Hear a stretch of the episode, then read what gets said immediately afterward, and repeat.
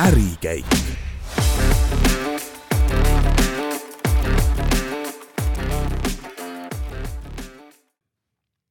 tere, head Ärikäigu kuulajad! tänane saade on järjekorras kolmekümne teine ning juttu tuleb seekord teemast, millest ei saa üle ega ümber ükski ettevõte ega organisatsioon.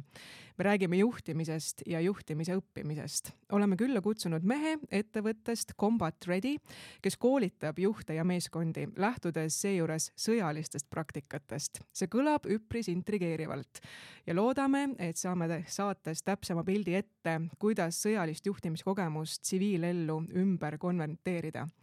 tere tulemast ärikäiku, Combat Ready instruktor Priit Lilleväli. tere, tere!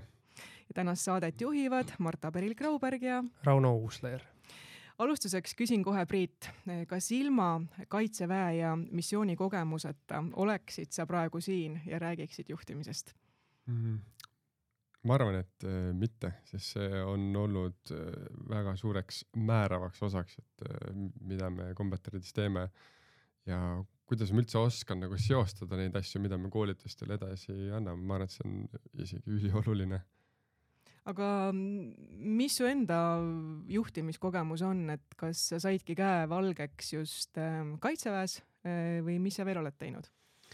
no selleks tuleb minna tagasi ennem kaitseväge, siis ma olen pärit suurest perest Äh, seitsmelapselisest perest ja ma olen kõige vanem, ehk siis tegelikult nii kui mul õed ja vennad hakkasid juurde tulema, siis ma, mul oli vaja neid juhtida.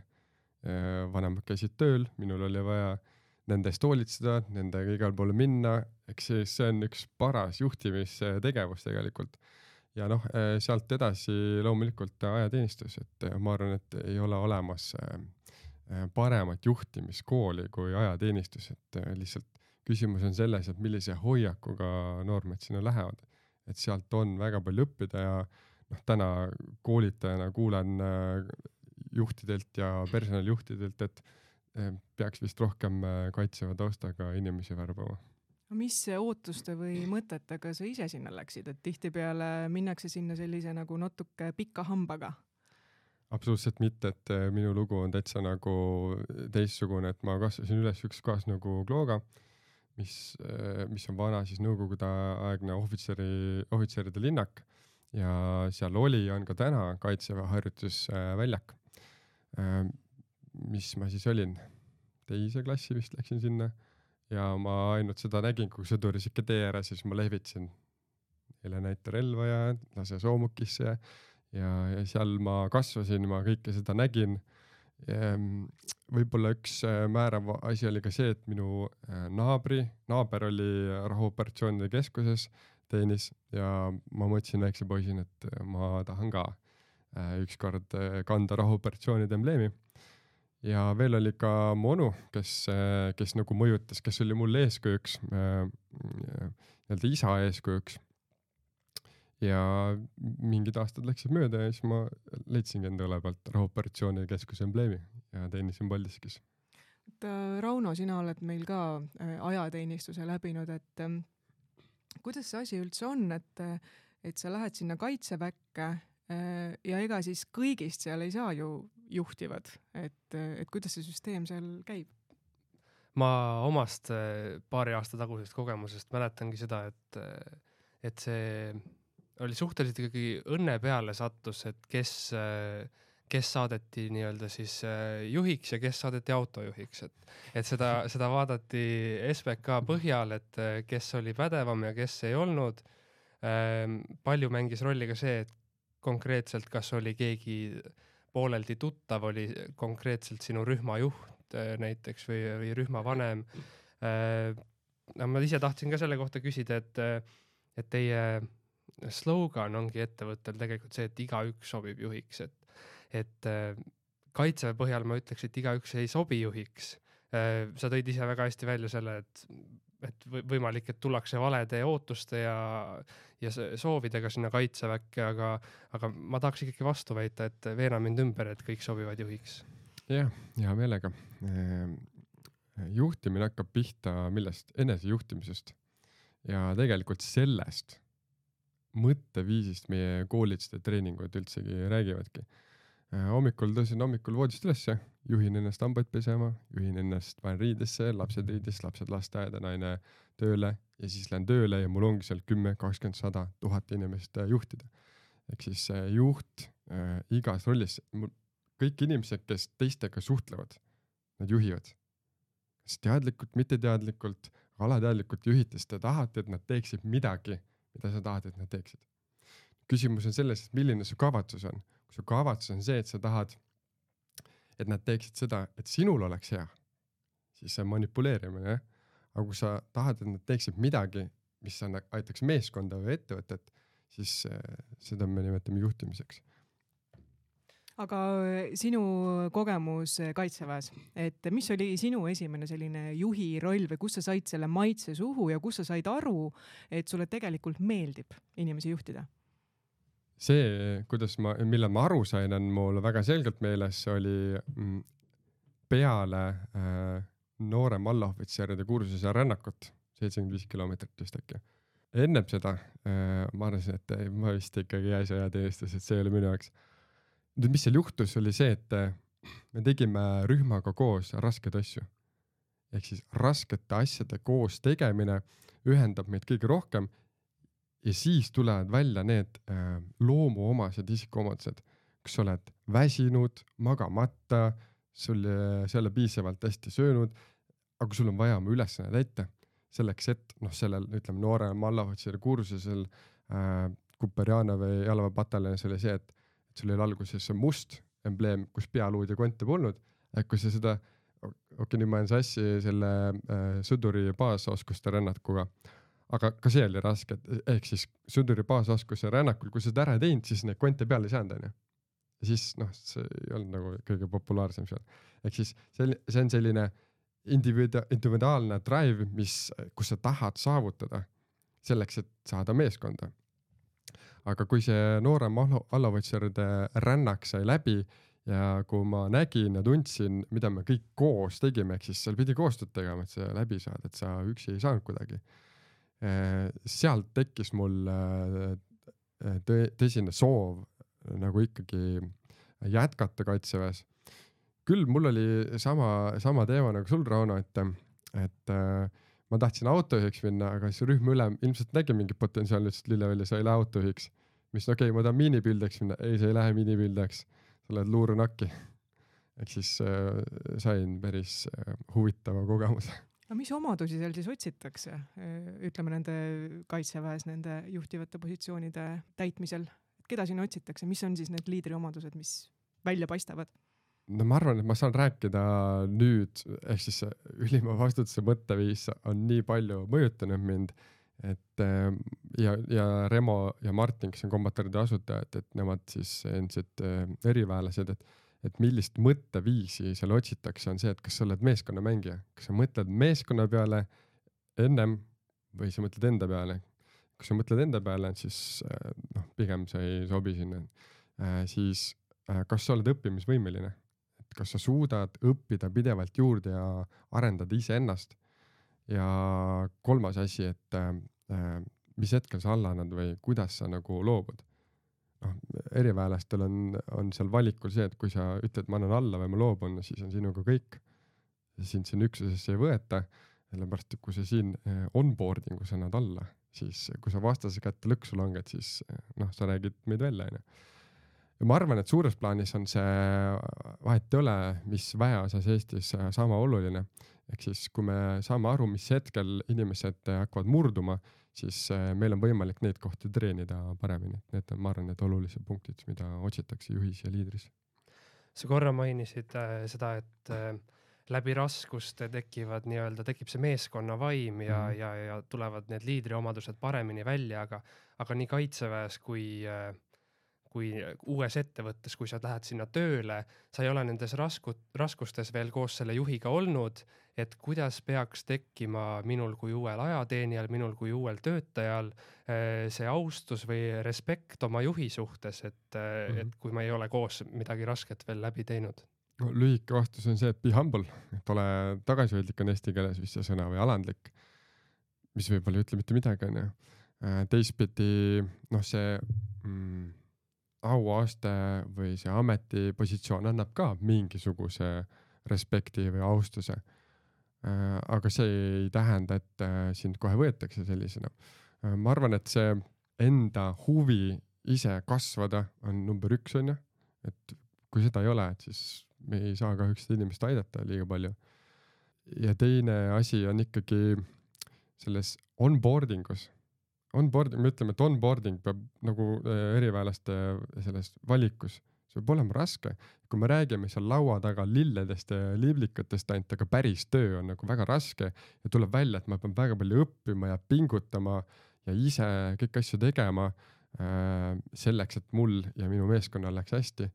no siis on äh, nad juba noh, ma ei öelda enam katse lõpuks, aga noh, tänapäeva noored on juba nädala pärast läinud sul sealt et ma arvan, et see onboarding peab olema äh, piisavalt raske ja seal onboarding us on hea rääkida ka neid äh, fail'e, mis ettevõttes on olnud.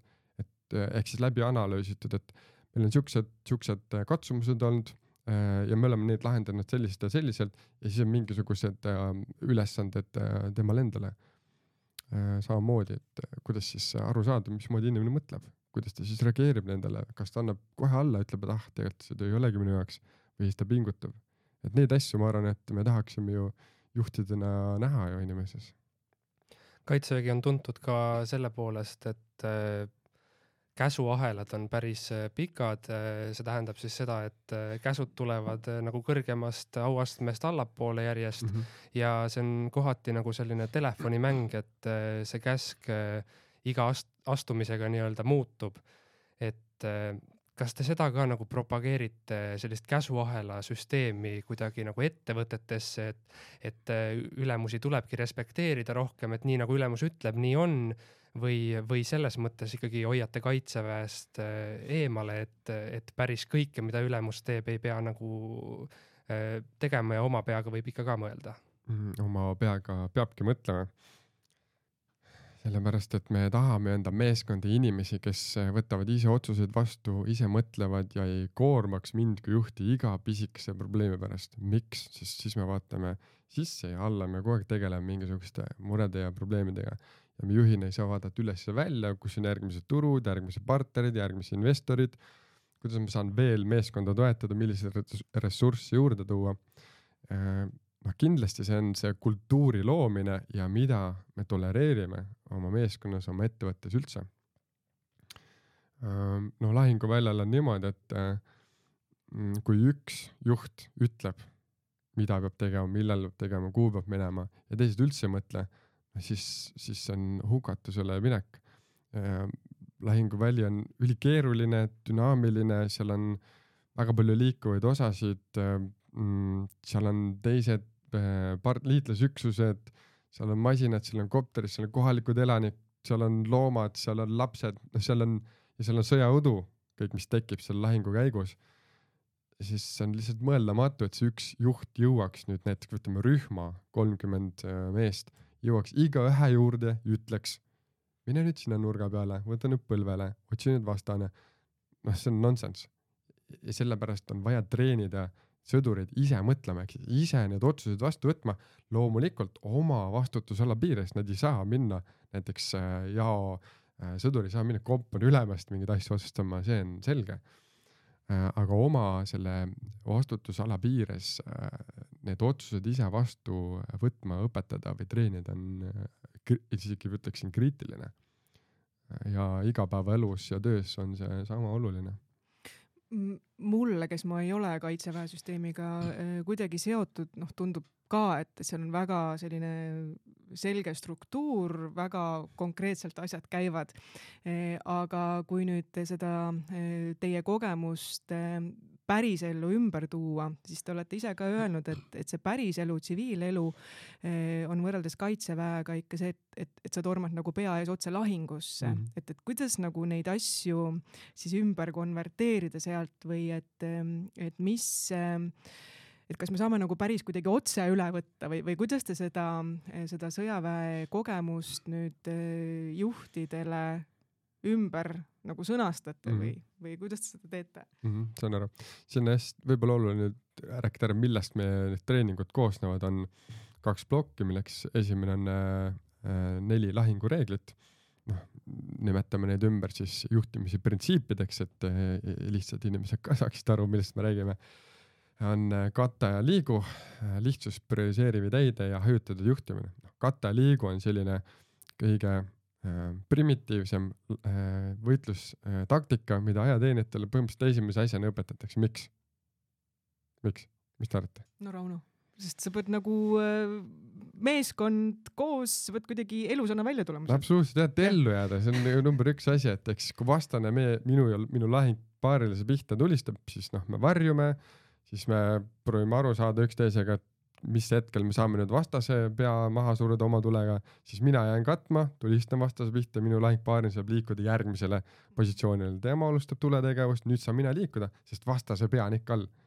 nüüd, kui me üksteist katame, teeme meeskonnatööd, siis meil on võimalik oma ülesannet täita. kui me seda ei tee, saame mõlemad surma, noh, mis mõtet meil siis, siis pingutada on. et selle meeskonnatöö juures kõige olulisem on suhted.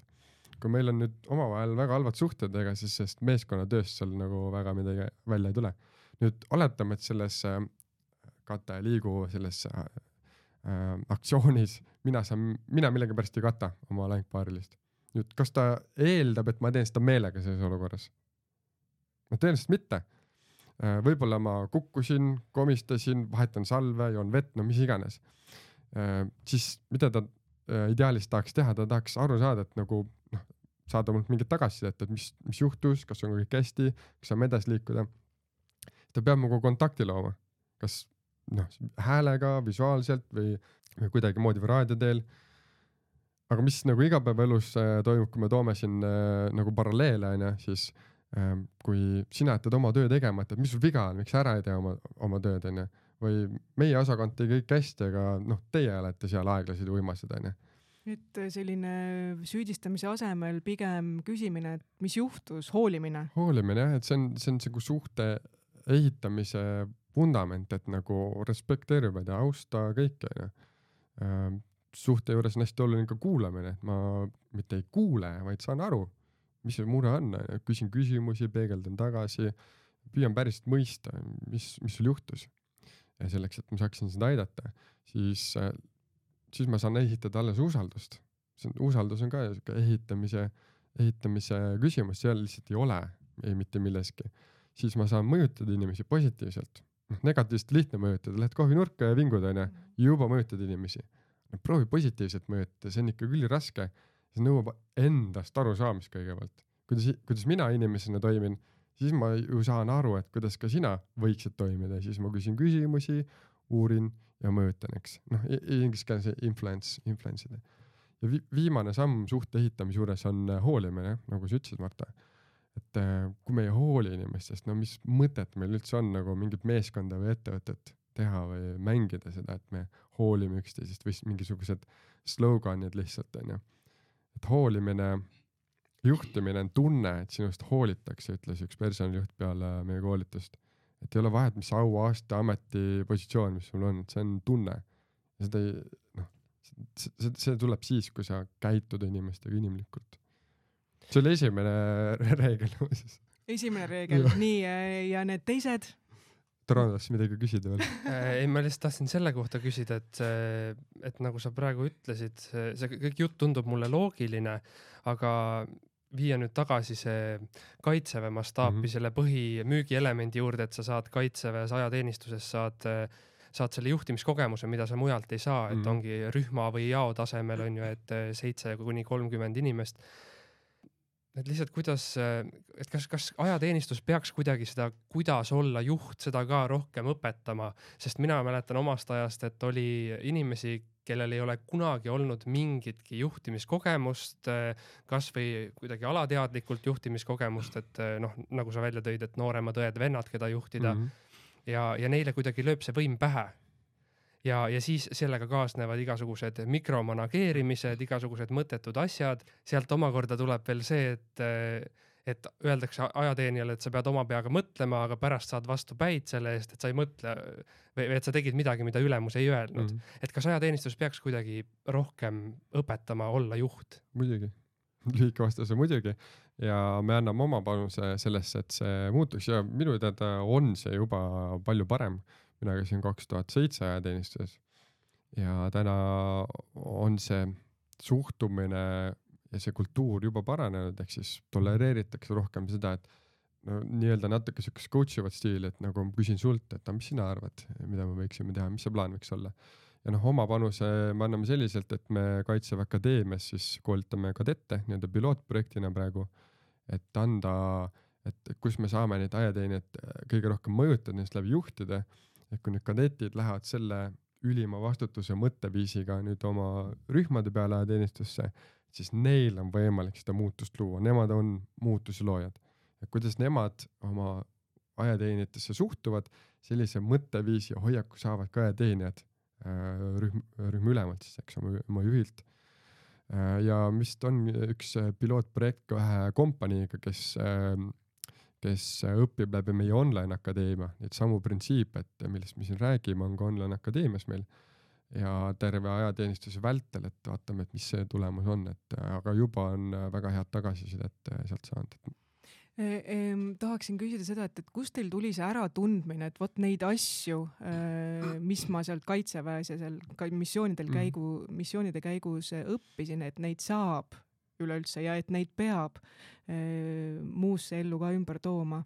kas see teie ülimusliku vastutuse põhimõte, see on miski asi, mis te olete ise välja mõelnud või on mingeid sarnaseid äh, koolitusettevõtteid ka mujal maailmas mm? -hmm meie ei ole, meie ei ole neid välja mõelnud Combatredis, ei ole ka ameeriklased, meie partnerid Echelon Front ja Jocko Willing äh, neid välja mõelnud, need on lihtsalt universaalsed printsiibid äh,, mis on lihtsalt seotud algselt siis originaalis nende USA Navy Sealide kogemusega Iraagi sõjast. nüüd kui Jocko Willink ja Leif Pavin, kes siis äh, Navy Sealid olid, tulid oma missioonilt tagasi ja nemad pidid hakkama treenima, koolitama järgmisi Navy Seal'e Äh, Iraaki minemiseks. siis nad noh, väga üllataval kombel said aru, et neil ei ole seal organisatsioonis sellist juhtimise, koolitamise struktuuri. ja siis nad panid oma kogemusest nagu kirja, mida nemad tegid seal Iraagis. Ja nad panid alguses selle ülima vastutuse, noh raamatu sisu panid enda jaoks, et nad saaksid õpetada uusi Navy Seal'e. aga kui Chaco tuli reservi, siis ta kirjutas, aga see võiks ju olla kõigile teistele ka kasulik, siis tegi sellest raamatu, andis välja ja see sai noh, üle maailma kuulsaks, eks et äh, sealt see tuleb selliselt mm. -hmm. aga ma lisaks need teised printsiibid ka juurde, muidu jääb siuke poolik vastus selle osas. Et kui me saa-, me saame aru, et me oleme meeskond, siis on meil teine reegel lihtsus, et meil, me peame üksteisest aru saama. et kuidas see kommunikatsioon on lihtne, selge ja konkreetne. sellepärast, et kui ma ei saa aru, mida ma pean tegema, siis ma ei saa seda ülesannet ju täita. ja siin on see tööriistaks on tagasilugemine et räägi mulle oma sõnadega, millest sa aru said, sest ma ei saa ennem aru, kui sa ei räägi mulle, millest sa aru said. ja seda no liiga palju ei kohta ja see on võib-olla üks siukseid märgilisi asju, mida meie treeningult kaasa võetakse tihtipeale. mis on üks asi, mis sa kaasa võtad? ja tagasi lugema, tahan veenduda, et kuidas minust aru saadi.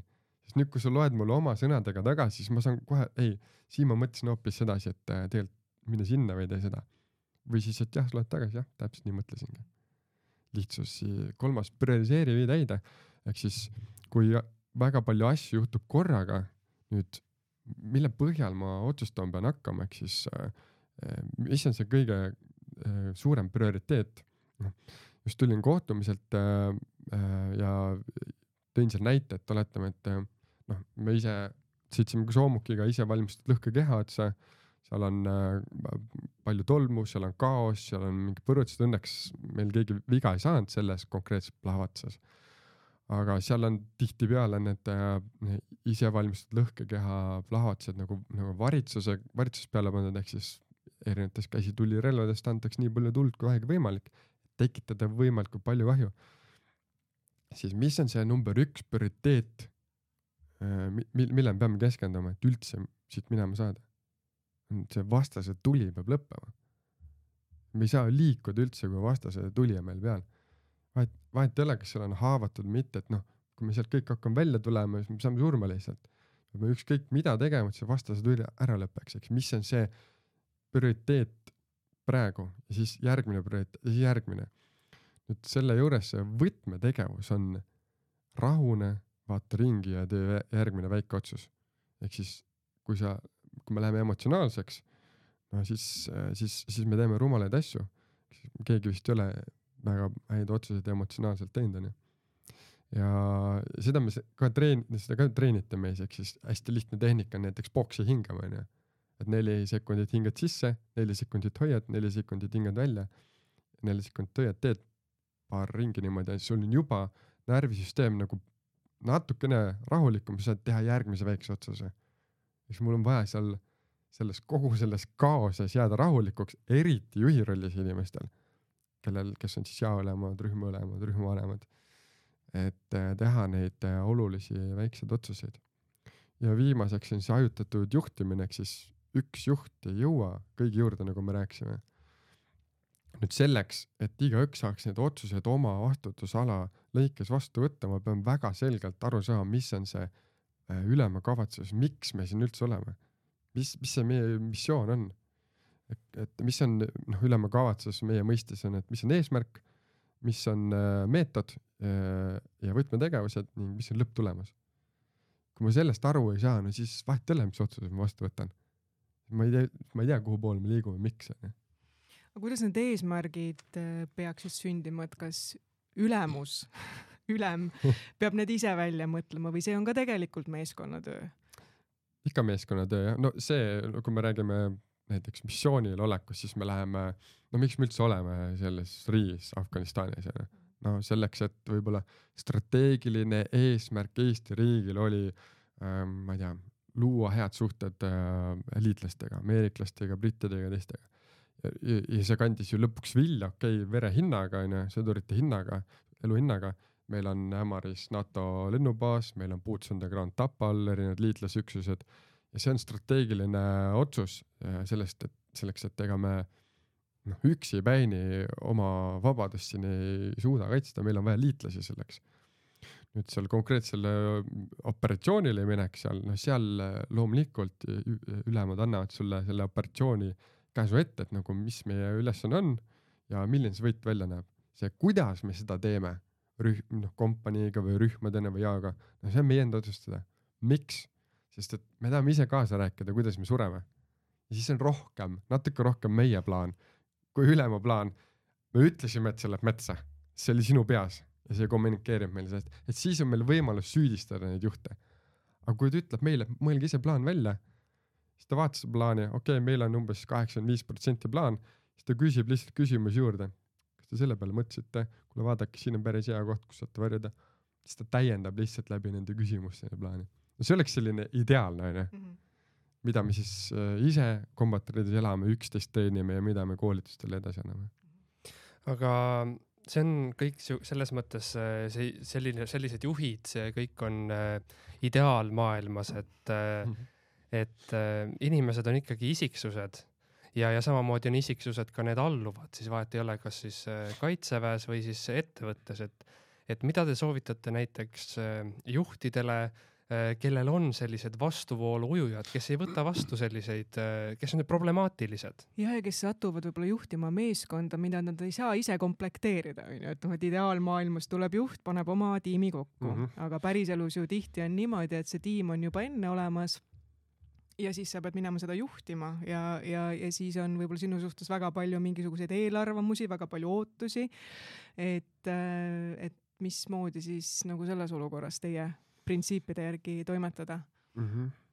no need, kes äh, ei taha koostööd teha või ujuvad vastuvoolu, voolu, siis äh, ähm, võib-olla küsimus see, et nagu kes need inimesed tööle võttis.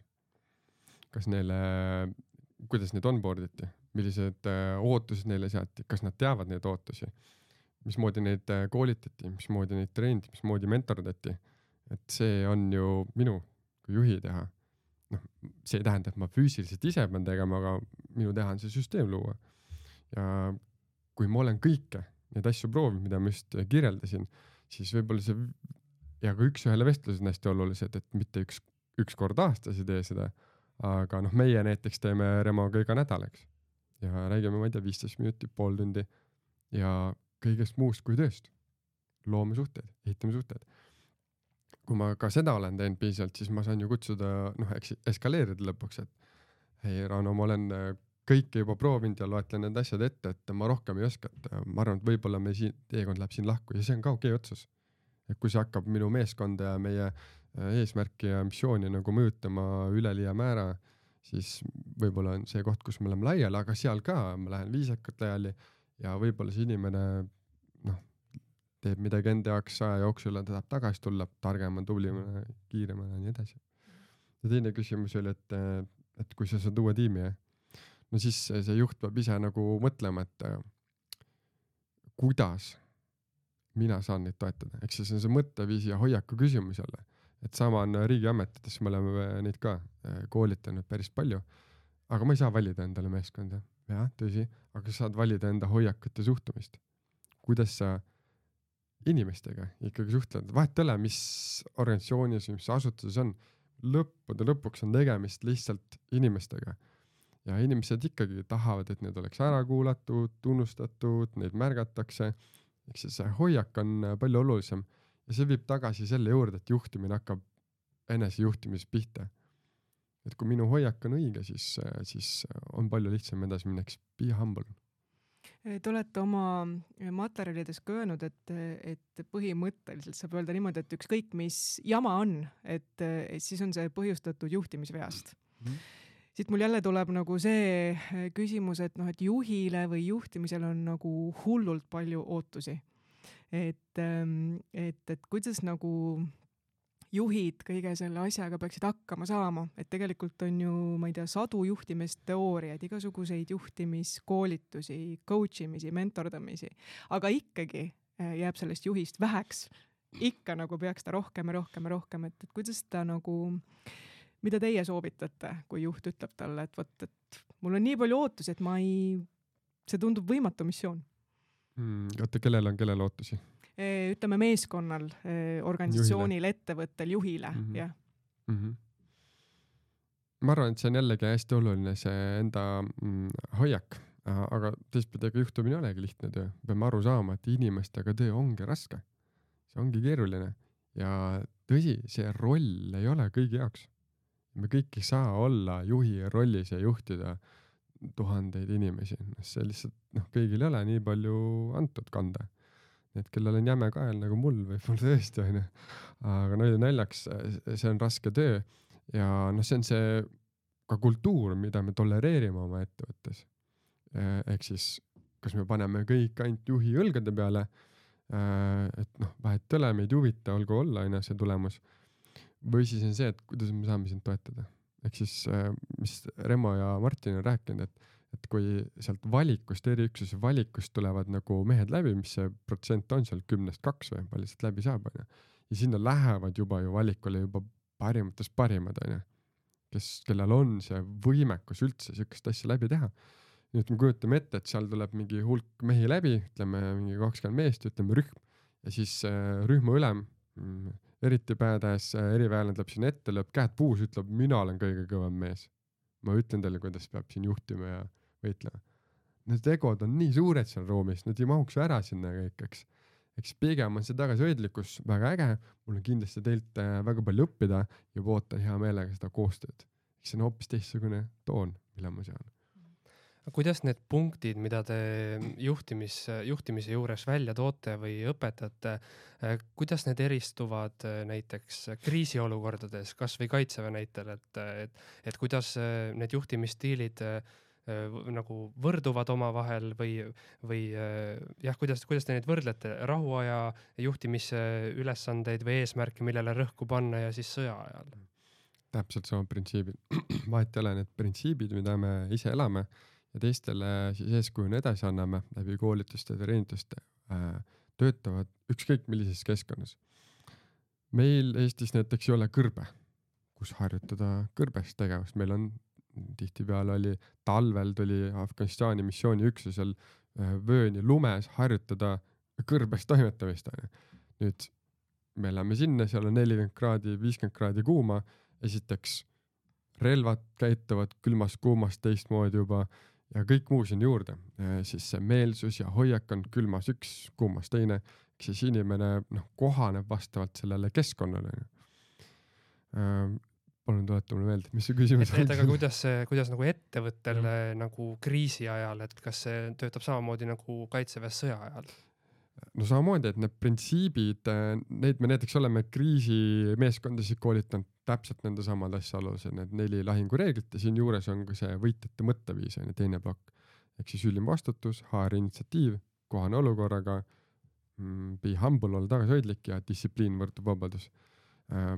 samamoodi nüüd hästi oluline ennetada kõike seda, et kui meil see kriis tuleb ja üks hetk tuleb äh,, siis meil on, me oleme juba valmistunud, me teame, mismoodi meeskonnad on, mismoodi me lihtsalt selgelt ja konkreetselt äh, infot vahetame, mismoodi me prioriseerime, mis on kõige kriitilisem, kuidas me siis äh, toimetame, me oleme seda harjutanud ja igaüks on võimeline ja me oleme treeninud seda, kuidas oma vastutusalas neid otsuseid teha ka kriisi äh, nüüd sellest võitjate mõtteviisi poolest ma pean aru saama sellest ülima vastutuse printsiibist, mis ühe lausega tähendab seda, et ma ei süüdista teisi ja ma ei otsi vabandusi, vaid mõtlen, mida mina saan teha. siis kui ma näitan kellegi poole näpuga, siis üks näpp näitab tema poole, üks sinna jumala poole äkki ja kolm näppu näitab ikka minu poole. ehk siis mida ma saan teha, miks? ja nüüd eriti kriisiolukorras, äh, kui ma hakkan vabandusi otsima, süüdistama, siis ma kaotan mida? kõige väärtuslikum asja, aega. ja seda aega seal kriisiolukorras ei ole lihtsalt mida kaotada. ja see võib viia väga kurbade tagajärgedeni aga kes on need ettevõtted, äh, kellele te olete neid koolitusi äh, läbi viinud ja, ja kellelt te olete saanud ka seda tagasisidet mm., et, äh, et kasvõi nendelt samadelt töötajatelt, et juhtimine on nüüd nagu öö ja päev võrreldes eelnevaga, mis enne koolitusi oli? ja noh, sihukest öö ja päeva ei ole, et eks kuidas te ise tunnete, kui lihtne teil oma harjumusi muuta on see on kohutavalt keeruline. heade harjumuste tekitamine on kohutavalt raske, halbadest harjumustest loobumine on veelgi raskem. me võimegi võtta juht, head juhtimist kui hea uue harjumuse loomist. tegelikult see on oskus, mida kõik saavad õppida, ehk siis mõnel tuleb see paremini välja, mõnel ei tule nii hästi välja, aga seda on võimalik õppida või parandada vähemalt. ja mis, mis ma tahtsin veel öelda, et. et, et noh, et kes nad, kes need ettevõtted on ettevõtted, olnud ja, ja mi- ja mis nagu murega nad on pöördunud mm -hmm. teie poole, et kas nad lahendavad mingit konkreetset asja teie abiga või, või mida nad teilt soovivad? ja, ettevõtted on täitsa seinast seina, ehk siis me oleme teinud neid gümnaasiumiõpilastest kuni riigikohtunikeni välja, riigikohus. kõik, kes sinna vahele jäävad, isegi noh, võib-olla eraldi, võib-olla võiks välja tuua IT-ettevõtted, võib-olla miks, sest neil on, neil on noh rohkem ressursse võib-olla kui teistel. Nad on juba väga palju panustanud oma eh, kultuuri arendamisse, juhtimisse, meeskonnatöösse ja nad tahavad saada nagu heast suurepäraseks. võib-olla, võib-olla IT-ettevõtted võiks niimoodi eraldi välja tuua. ja pigem on see, et tihtipeale tuleks ikkagi, et kas ühe inimesega või, või ühe osakonnaga või kellegagi on mingisugune mure, et nemad ei võta vastutust või nad ei taha oma asju ära teha või nad ei arvesta teistega või nendega on halvad suhted, aga noh, seesama näpu näitamise teema mm, -hmm. aga kuidas, mida sina selleks oled teinud? et tihti on ikkagi kellegi konkreetsega mingi mure ähm,, siis selle päeva jooksul, vähemalt mina olen küll seda muutust vähemalt selles inimeses näinud. kasvõi üks küsimus ähm,, mida näiteks poole päeva peal ma ükskord küsisin, et kui üks ähm, osakonna juht rääkis, et mina ja minu meeskond, mina ja minu osakond. aga kas see ettevõte on kokku pandud sinu ja sinu osakonna pärast ainult? või on sellel organisatsioonil oma missioon ja visioon ja eesmärk? no siis on pilk maas ja põsk kõhetab, siis ta saab aru, et eks ta sai humbliks vaat sel hetkeks mm -hmm. tagasihoidlikuks jah. ehk siis ei ole ainult ju selle konkreetse inimese pärast seal temal on võimalik oma panust sinna anda ja siis aidata teisi. Äh, aga kui minna selle teie koolituse ettevõtte nagu äh, ajast tagasi, et kas see huvi oli kohe alguses ettevõtetel olemas või see kuidagi tuli hea turunduse pealt, et, et või on nüüd just, et ei jõua ära koolitada neid ettevõtteid mm? -hmm. no nii hull ei ole, et ära ei jõua koolitada eks ikka tuleb äh, tööd teha. aga ma arvan, kõige parem soovitus on hästi tehtud töö ja äh, kindlasti on see läbi selle, noh, Eesti on väike, eks läbi selle sõna on, on see koolitus ikkagi levinud, sest inimesed räägivad sellest, nagu te ise ütlesite, et midagi teistmoodi, et kuidas nagu lahinguväljalt, kuidas see mind nagu igapäevaelus mu perekonnas aitab.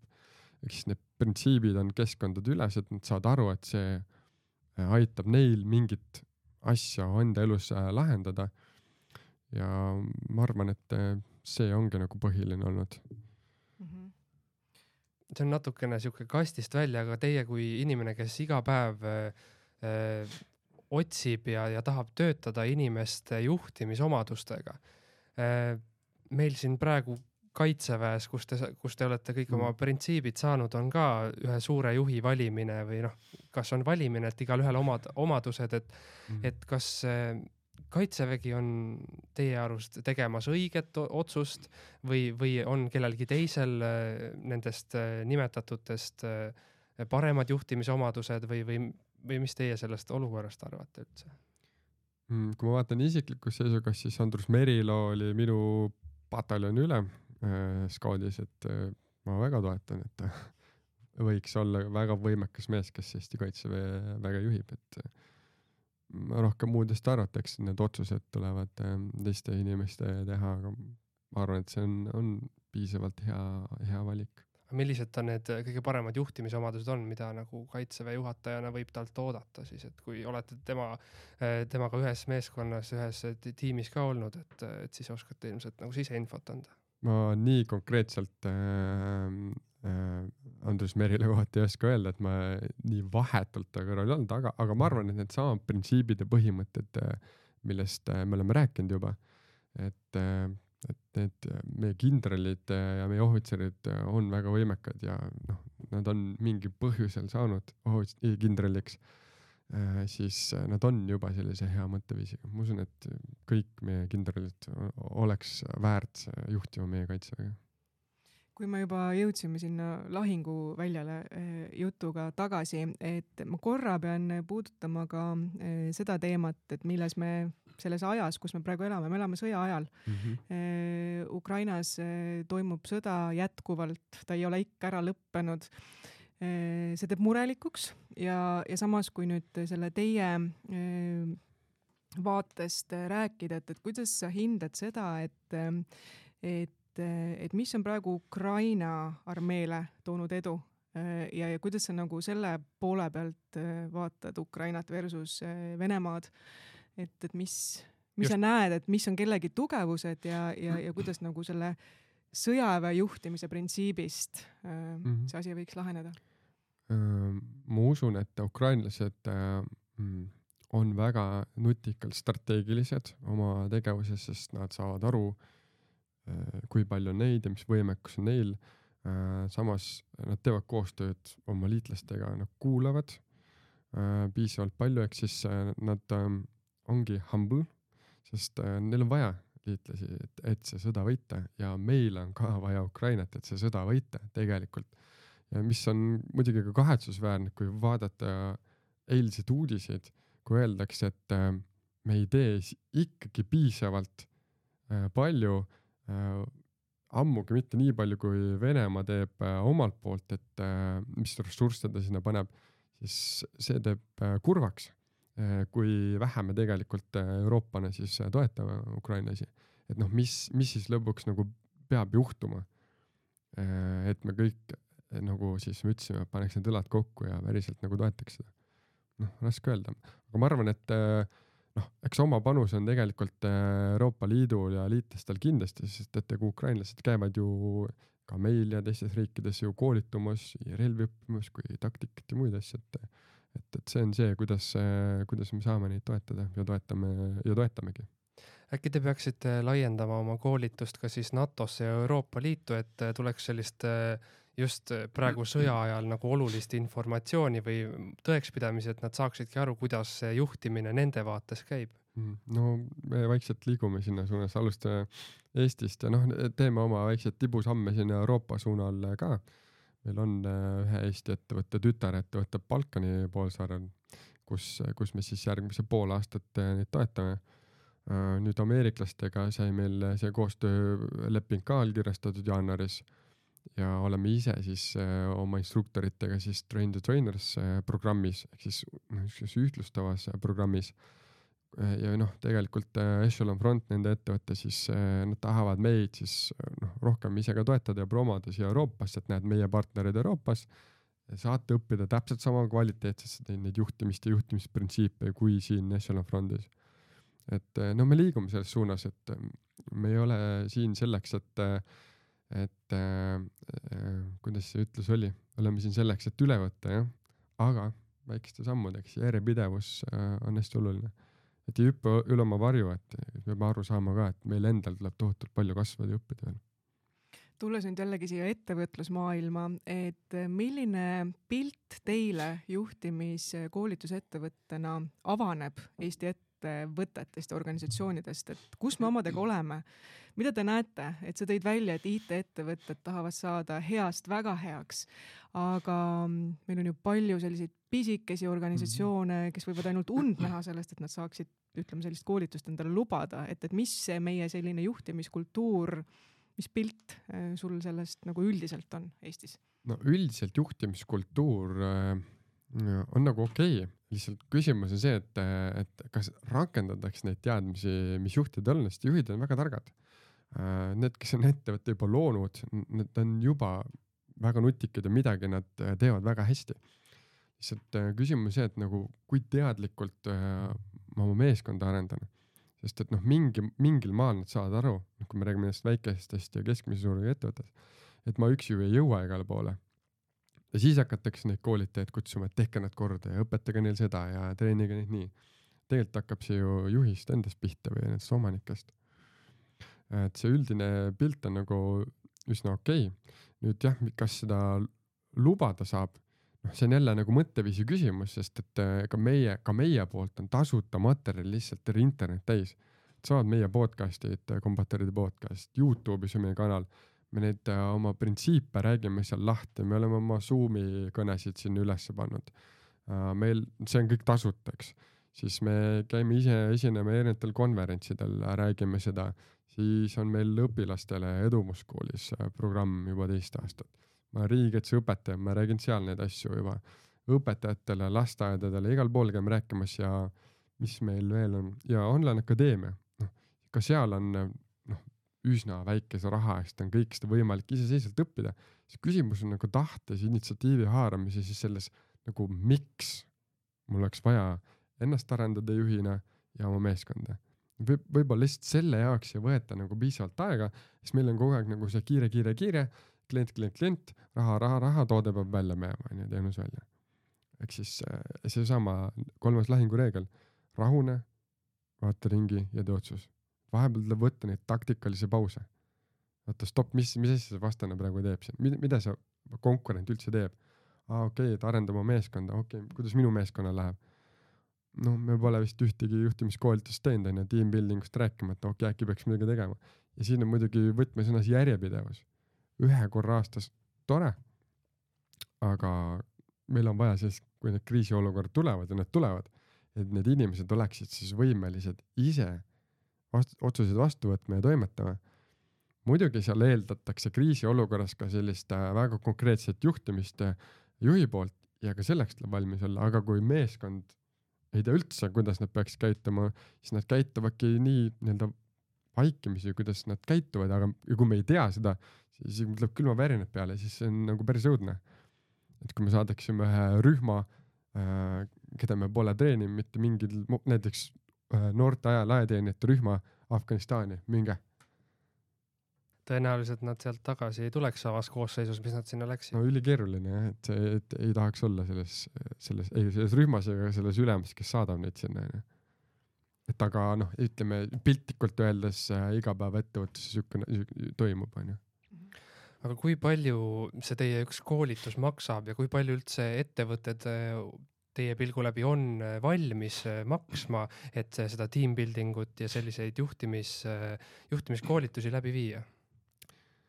no just tulin kohtumiselt öelda, et meie hinnad on päris krõbedad.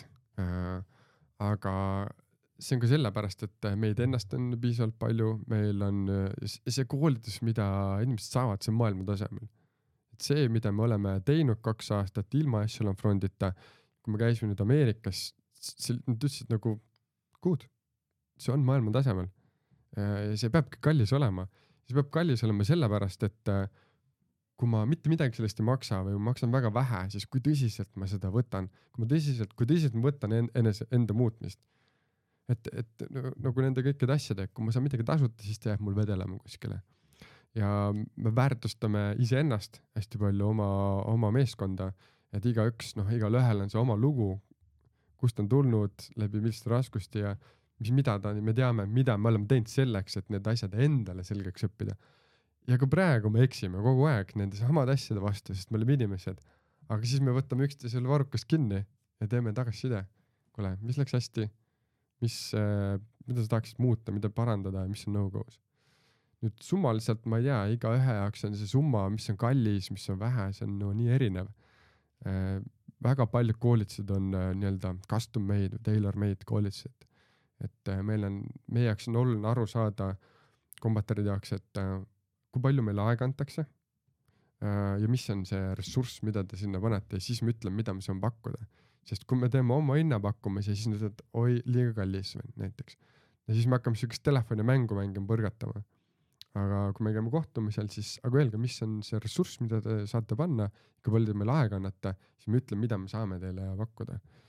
see on seinast seina. Noh. mis selle koolituse nagu keskmine hind on või mis hindade, mis summade vahele ta jääb, et keskmiselt? no keskmiselt jääb, ütleme kuskil kolme tuhande kuni, ma ei tea kümne tuhande vahele. ja selle eest saab siis mitu koolitust? ühe koolituse ühel päeval või on see jagatud ka mingite? üks koolitus, see on okay. nagu selline treening, ühepäevane treening. noh, nüüd te võite ise arutada, kui me teeme seda järjepidevalt ja järjepidevus võiks tekkida, noh, ma ei tea, mis X arvu kordi onju.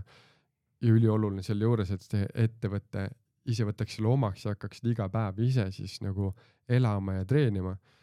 noh, siis see summa läheb päris suureks ikkagi tegelikult arusaadav, hea asi maksab, aga kas te saate öelda ka, et millised need ehm, no milline see koolitus välja näeb, et kas seal ongi nagu, võtate te mingeid asju päriselt sealt lahinguväljalt, et millised on need ülesanded, et, et kas see päriselt ongi selline, et, et sa panedki need inimesed väga ebamugavasse olukorda mm -hmm. ja mhm. nad peavad kuidagi sealt välja rabelema. et eh, kas sa saad mingi näite tuua? kõik täpselt, täpselt kõik see, mida sa kirjeldasid. no FTX Field Training Exercise, äh, mis äh, on nagu üks-ühele sealt ameeriklastelt nüüd ära toodud, äh, on, et, et see on viieteistkümnele inimesele. meil on kolm instruktorit, kes siis käivad nende inimestega siis kaasas neid ülesandeid või operatsioone tegemas, ehk siis nende inimeste jaoks meid ei ole olemas justkui, aga me lihtsalt jälgime, paneme kirja, onju. nüüd nad saavad, võtame siis viieteistkümnest kolm inimest, kelle me paneme juhi rolli Need kolm juhti saavad siis äh, operatsioonikäsu või ülesande, mida nad peavad tegema, näiteks peavad pantvangi, pantvangi päästma minema.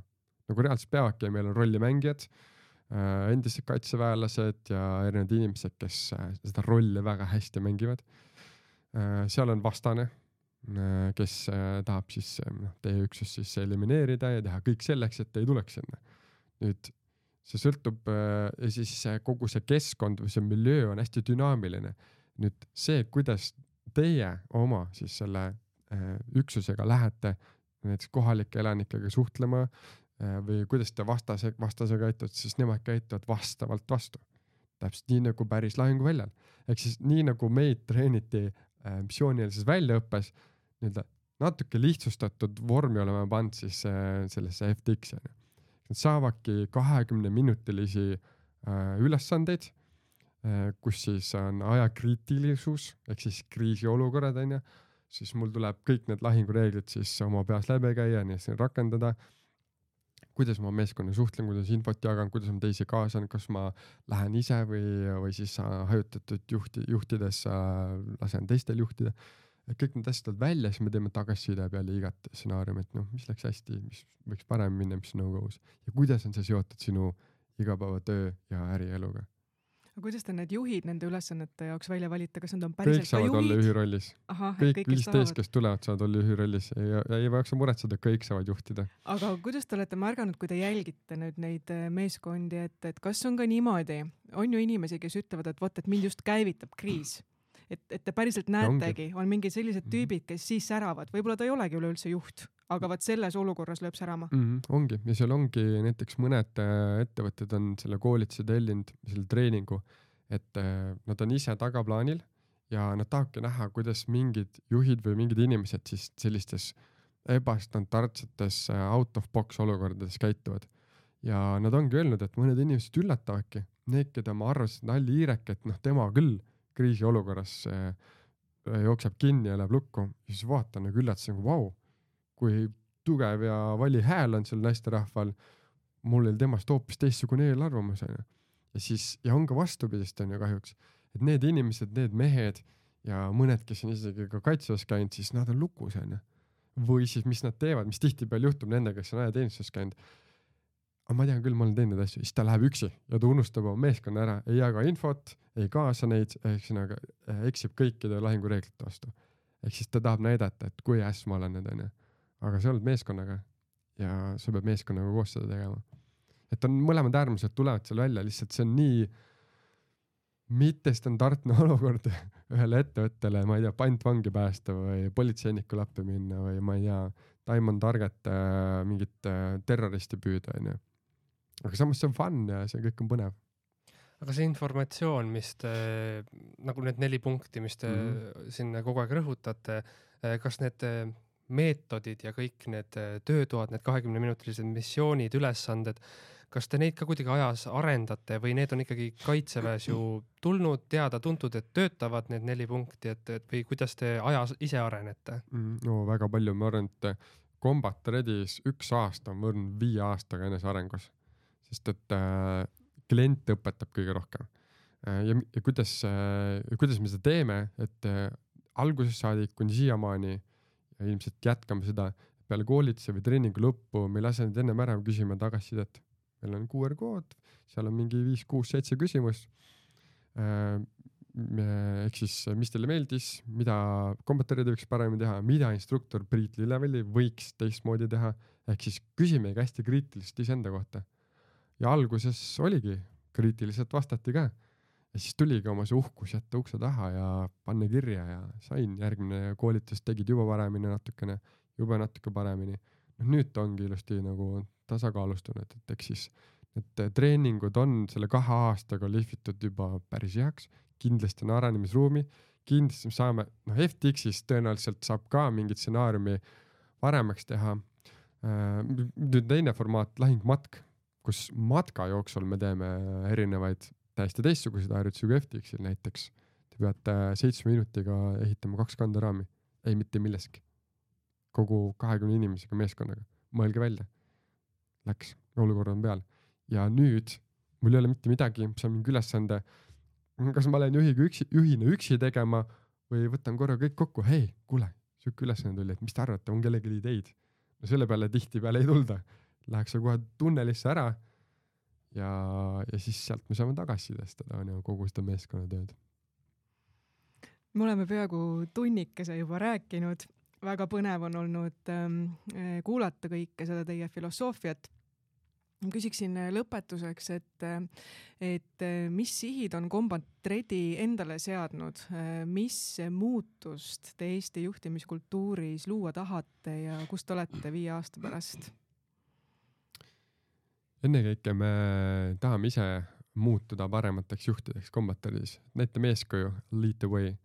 ja see kui me saame teisi mõjutada äh,, olla kasulikud äh, sellega, mida meie teeme hästi, ehk siis nagu te alguses ütlesite, et äh, see kaks aastat on päris äge lend olnud, aga see ongi sellepärast, et me oleme ise piisavalt humble'id olnud äh,. ja ma usun, et me suudame seda hoida, et me ei lase egol üle pea kasvada, ehk siis äh, see ongi, et kui me lahinguväljal ka arvame, et me oleme näiteks, me räägime Afganistanist, et me oleme sellest ähm, Äh, Kalašnikoviga plätudes ja siis äh, hõlstiga jooksvast äh, turbaniga mehest nagu paremad, osavamad, targemad, tublimad, parem varustus. siis üks hetk me saame vastu nina ja siis elu teeb humble'iks, tagasihoidlikuks. Ähm, ma usun, et see on see hästi oluline hoiak ja nagu meie, nagu see visioon on, me tahame mõjutada Eesti ühiskonda ja noh, nüüd ka laiemalt Euroopa ühiskonda siis rohkem suhteid ehitama, rohkem vastutust võtma, rohkem endasse vaatama. sest ainult nii saab see tõeline muutus äh, toimuma, et me ei saa teisi parandada. me saame iseenda puhul midagi ette võtta ja siis äh, näed, kutsutakse mind podcast'i, tule räägi meile ka onju. see on üks mõjutusviis, üks mõjutuskanal. Et kui me teeme midagi hästi, siis tuntakse huvi ja siis me saame seda jagada. et äh, seda ei saa ju kellelegi peale suruda, et hakka nüüd vastutust võtma. see ei ole võimalik. ja mis meie sihid viie aasta pärast on? no me just alustasime Echelon Frondiga koostööd äh, ma usun, et äh, me oleme suutnud Euroopas, noh, praegu ongi plaan tegelikult Soome ja Saksamaa sinna ka midagi sarnast üles ehitada nii-öelda mm, tütarettevõtetena või koostööpartneritena, et me oleme saanud ka jala vahele Euroopasse tugevamalt ja siis äh, laieneda seal edasi, ehk siis levitada seda sõnumit, et äh, muutudes ise saame maailma muuta aga igal juhul ähm, jääme siis äh, ootama, et Eesti juhtimiskultuur äh, saab paremaks tänu teile. palju edu äh, Kombat Redile. aitäh ärikäiku tulemast äh,, Priit Lilleväli. ja aitäh ka kõikidele Ärikäigu kuulajatele.